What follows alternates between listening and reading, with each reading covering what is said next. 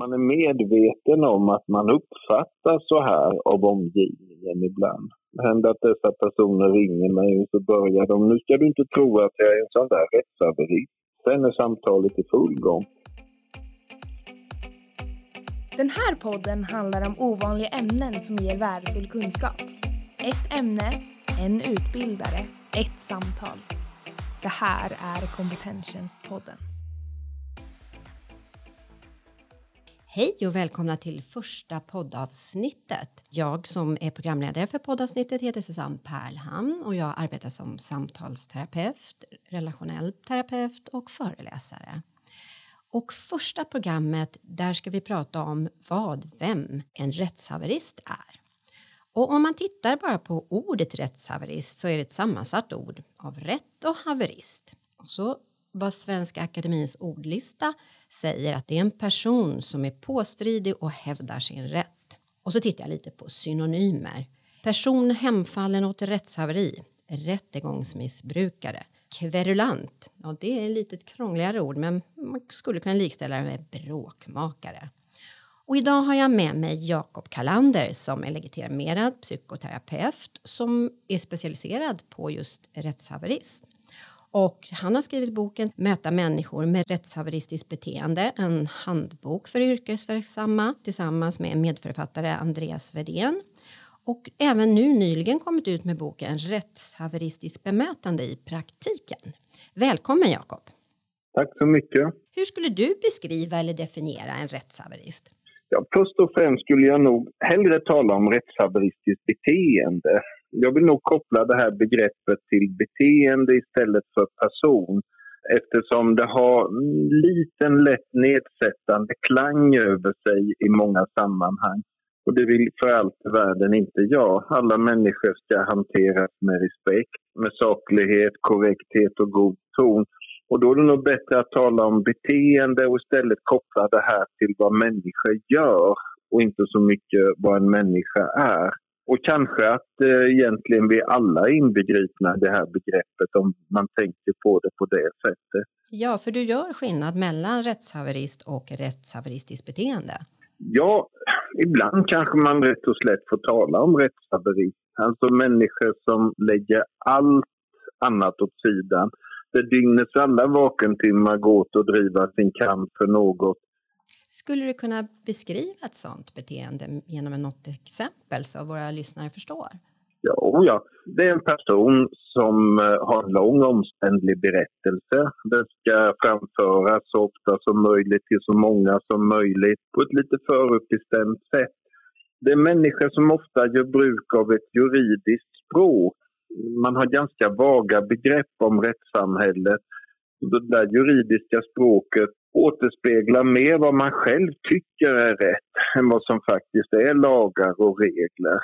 Man framför krav hur saker och ting ska göras, vad som inte ska göras. Krav som ofta är lite okänsliga för vad regelverket egentligen säger.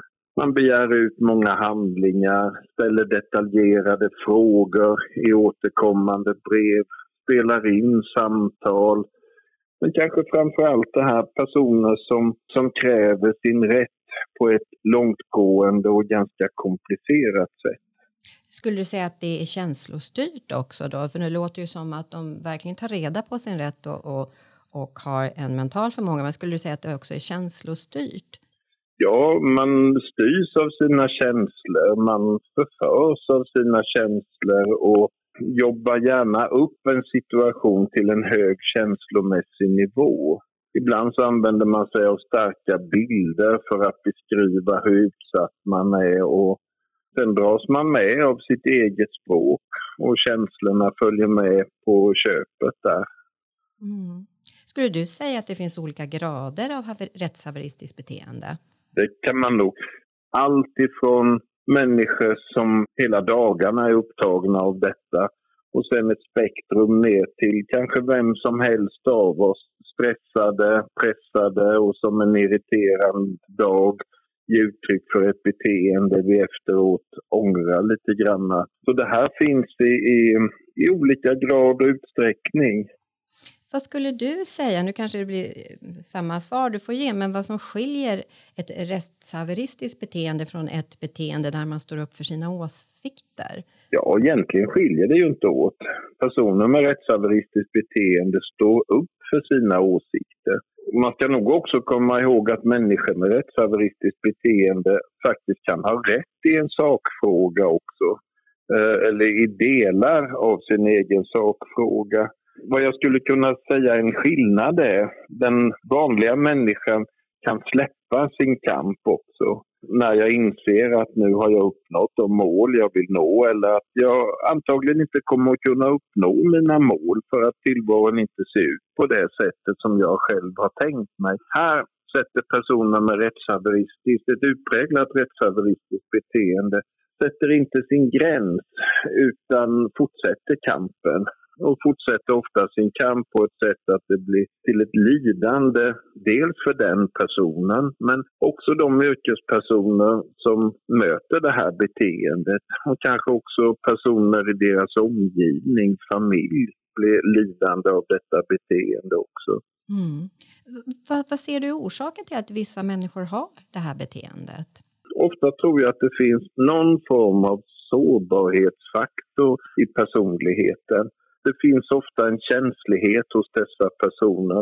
Ett eh, förstorat drag av narcissism, paranoiditet, tvångsmässighet. Alltså de ser på tillvaron utifrån att de själva har rätt. De har en hög misstänksamhet att andra personer undanhåller dem den här rätten och samtidigt en hög motivation att föra den här kampen vidare på olika sätt.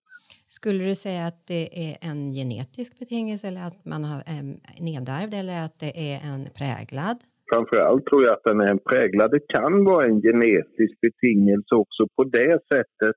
Inte själva rättshaveristiska beteendet, men sårbarheten att hamna i det. Psykiatrin har ibland påpekat att autismspektrat, och det här måste man ta med viss försiktighet, men att autismspektrat kan skapa en sårbarhet för att landa i det här beteendet. En stark detaljrikedom, en förmåga att plocka fram många detaljer, dyka djupt in i en situation, en svårighet att förstå andra personers aspekter på det. Och sett ur det perspektivet så kan man ju tala om en genetisk sårbarhet. Men framför allt tror jag att det här är något som händer i enskilda människors liv.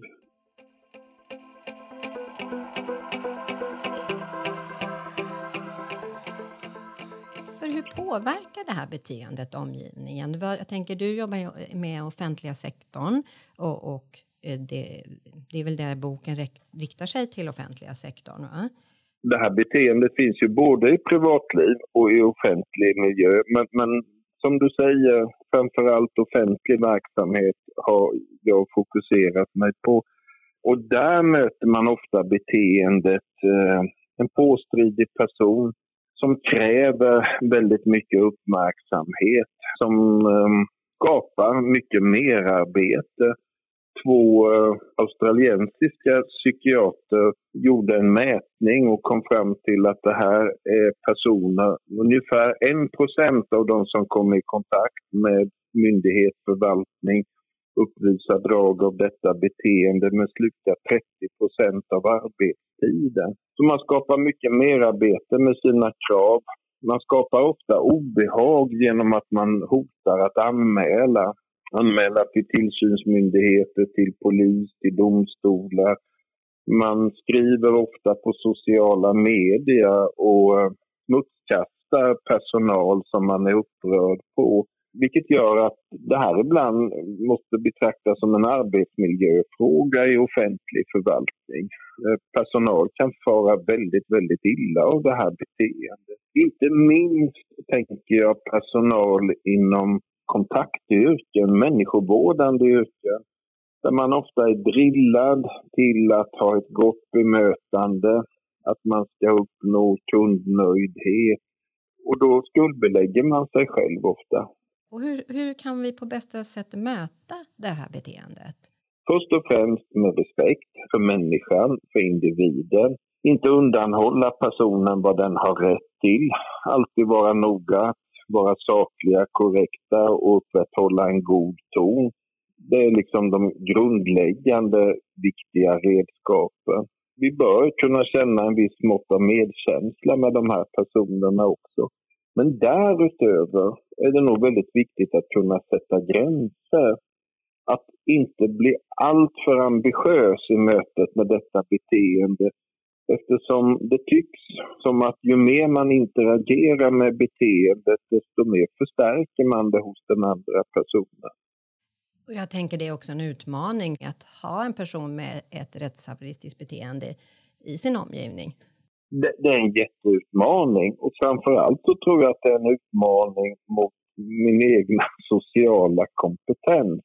Alltså vi ska ju inte ge igen på dessa personer, inte vara oförskämda. Men det här med att sätta gränser, till exempel att avsluta ett samtal med en person som kräver själv att få fortsätta det och klara av att avsluta samtalet även om personen fortsätter att prata när jag har talat om att nu kommer jag att lägga på.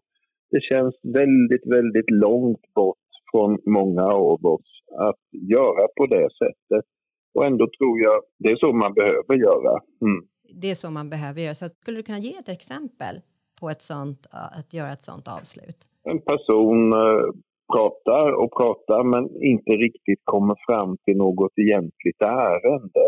Jag har svårt att veta vad personen egentligen vill. Det finns några frågor, jag har besvarat de där frågorna men samtalet fortsätter samtidigt som personen är väldigt upprörd och kritisk. Och I ett sånt läge så kanske jag kommer att säga så här att nu har jag besvarat de frågor som, som är möjliga för mig att besvara. Det här samtalet går runt i en cirkel nu och jag kommer att avsluta det här samtalet nu. Ja. Om personen i fråga fortsätter, vad gör du då? Du, lägger du bara på?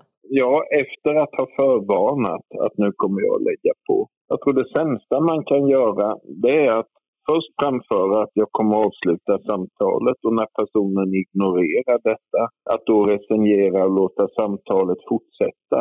Det skapar märkliga dubbla budskap. Mm. Tydlighet. Och inte för många ord, antar jag? Nej, de här personerna de vänder och vrider på varje ord du säger och det får lätt en olycksbådande innebörd du alls inte hade tänkt dig. Du ska spara de viktigaste orden.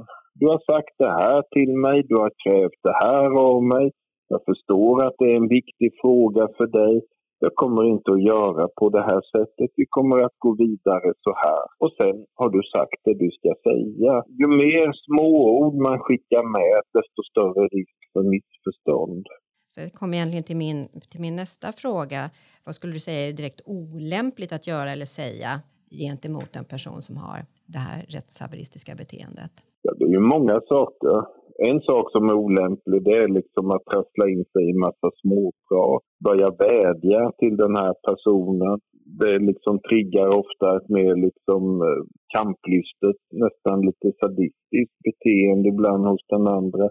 Eh, men att bli stridslysten och försöka sätta den andra personen på plats, prata som om det vore en maktkamp, det är väl också väldigt olämpligt. Mm, för då triggas det igång, det rättshaveristiska beteendet ännu mer och som går då till, till attack istället.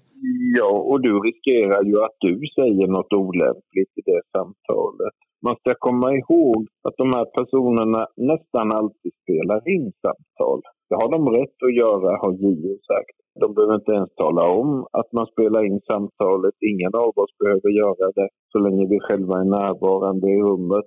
Men det gör ju att det är väldigt, väldigt viktigt att jag har koll på min egen kommunikation.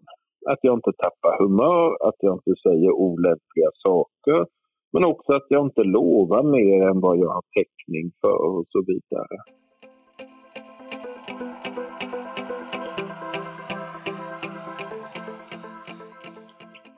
Hur ser du att man kommer till rätta med, med, med, en sån här problematik på en arbetsplats där den har tagit, jag menar där man då som du beskrev att man kanske ger inlägg på, på sociala medier och, och mer åt kränkningsbara hållet. Hur, hur, kommer man till rätta med sånt här? Först och främst, gör skillnad på det som är lagligt och det som är olagligt. Det personen gör som är lagligt, skriva på sociala medier så länge det inte är kränkande, hotfullt, bara gör det. Liksom sucka inte. Utan så här är det. Demokrati kostar. Vi får ta det. Mm. Eh, när det gäller liksom ett olagligt beteende, att framföra olagliga hot eller att bli djupt kränkande mot myndighetspersoner. Där tycker jag vi ska göra polisanmälan, vi ska våga avsluta samtal.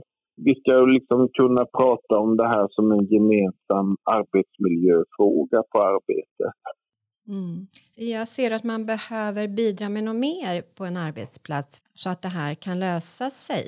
Kompetensutveckling.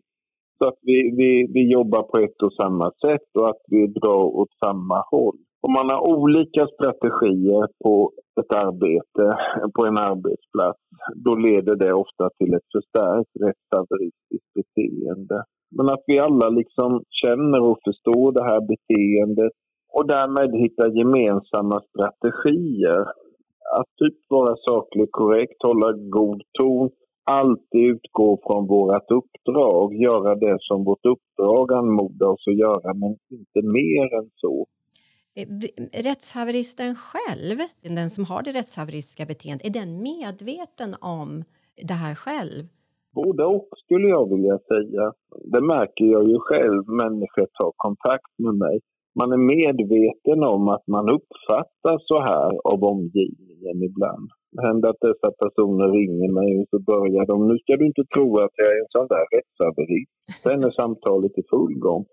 Um, så att man, man kan ha en förståelse för hur omgivningen upplever en själv. Däremot så är man ju själv fullständigt övertygad om att man har rätten på sin sida att man driver en rättmätig, legitimerad kamp. Du började ju med att citera liksom, eh, Svenska Akademins ordlista om rättshaverism. Egentligen kommer ju ordet från tyskans Rechthaber, eh, rättsinnehavare, rätthavare. Och det är nog så de ser på sig själva. Jag är den som har rätten på min sida. När vi sen har försvenskat och förvrängt det här ordet rätthavare blivit rättshaverist och därmed så ser vi det ur oss andras perspektiv. Ja, jag tänkte på person som påstridigt hävdar sin rätt och det, det är ju det de gör. Men vi ser ju någon som har liksom moraliskt havererat i sin kamp för rättvisa. Mm. Vad har fått dig, Jakob, att bli intresserad av just det här beteendet? Jag föreläste på hälso och miljöutbildningen på Lunds universitet. Jobbade mycket med djurskyddshandläggare i länsstyrelserna.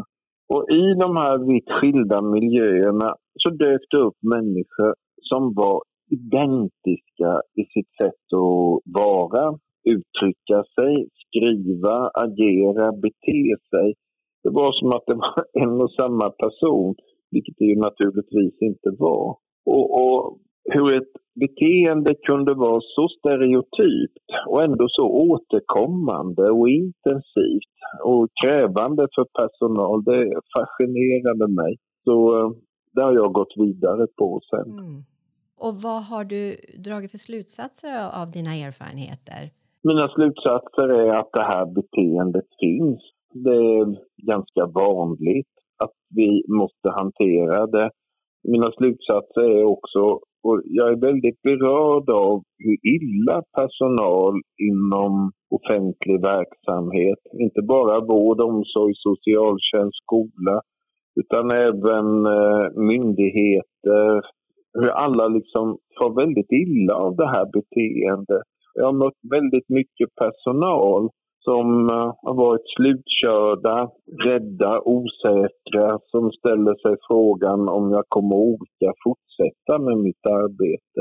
Det där är lite undanglömt, eh, lite bortstoppat och det har väl blivit mitt patos att försöka stödja, hjälpa personal i offentlig verksamhet att överleva med det här beteendet, göra ett korrekt, bra jobb och kunna fortsätta tycka om sitt jobb även om jag möter ett rättshaveristiskt beteende.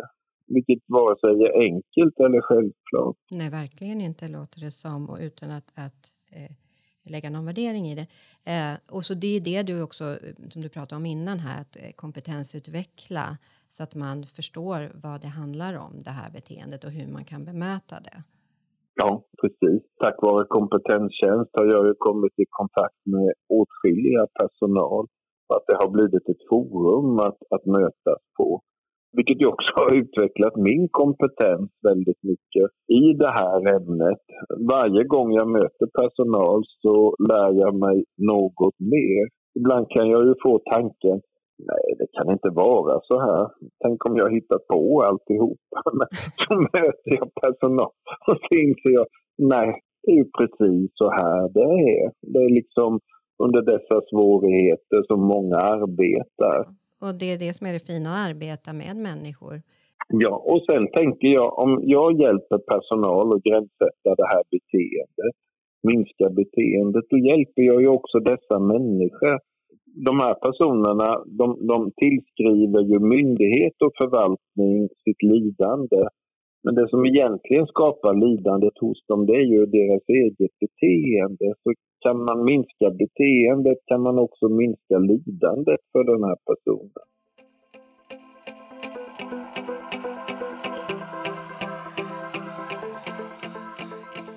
Det du startade med var just att personer med rättshaveristiskt beteende kräver all respekt och du vänder dig lite mot begreppet eller ordet rättshaverist som något negativt. Och, och samtidigt så, så, beskriver du då det är en person som känner sig felbehandlad, inte rätt bemött. Och att där kan man då för att möta det här beteendet vad som krävs är det du säger, det jag hör i alla fall, får rätta mig om jag har fel, men det är att man behöver en klar och tydlig riktlinje. Man ska hålla sig inom lagen, alltså lagligt och det som är olagligt och det som är lagligt det får man släppa, men det som är olagligt det tar man och reagerar på. Och just det att tydliga direktiv, tydliga ansvarsområden på en arbetsplats. Man ska ju komma ihåg att det här är personer som gärna de blandar samman de lagar och regler som finns med egna föreställningar om vad som är rätt och fel. Och så talar de som en lagbok. Det är lätt att plötsligt tro, tänk om det är jag som har fel och den andra som har rätt. Att man, man, man blir kunnig och trygg i vad man ska göra och vad man inte ska göra. Så att man kan lyssna på den andra personen, försöka förstå dens behov men utan att det är den personen som styr med sina starka känslor, det jag gör. Det är väldigt viktigt. Mm. Att inte låta sig eh, övertygas och manipuleras. Ja, precis. Utan vara var medveten om vad som gäller. Det, det handlar om att själv skaffa sig en väldigt stor medvetenhet. Men det var det jag skulle säga också. Man ska också komma ihåg att de här personerna ibland kan ha rätt i en sakfråga eller delar i en sakfråga. Det vill till att vara väl påläst själv. Och om jag inte är påläst, om jag är osäker, att jag vågar stå för det, aldrig försöka uppträda anvetande för de här personerna. Om jag inte vet, så var trygg med din osäkerhet eftersom de här personerna, de klickar fram otryggheten hos oss hur kompetent jag än är. Och, och då är det viktigt, stå för att du inte vet, var inte rädd för att inte veta. Så här får man ju en, en väldigt stark träning i, i både självförtroende och, och självkänsla och sin kompetens att stå upp för den. Det Låter som en viktig uppgift, Jakob, det du gör att förmedla den här insikten och hur, hur eh, vi kan bemöta ett rättshaveristiskt beteende. Jo, jag måste nog säga att jag är tacksam att jag har fått kunskaper för, för, för eh, för den behövs. Absolut, och precis som du säger finns den överallt i samhället och jag tror att vi alla kan identifieras med att vi har mött någon med ett rättshaveristiskt beteende och här fick ett väldigt fina verktyg till att möta och, och, och vad det handlar om att ha ett rättshaveristiskt beteende eh, som inte bara gäller offentliga sektorn utan i hela vårt samhälle. Eh, jätteintressant och eh, vad trevligt att få prata med dig Jakob för jag, och jag känner och tänker Ja, jag tänker att du är viktig, en viktig roll. Det här skulle behövas mycket mer. Jag träffar ju också på i min yrkeskategori människor som dräneras just av den här typen av eh, beteende på arbetsplatser. Så väldigt, väldigt roligt att få prata med dig och få höra mer och lite mer fördjupat. Detsamma. Utgivare av denna podd är Kompetenstjänst ett utbildningsföretag som erbjuder utbildningar och föreläsningar för fortbildning inom offentlig sektor. Så missa inte den korta versionen av detta avsnitt för ännu mer tips och kunskap.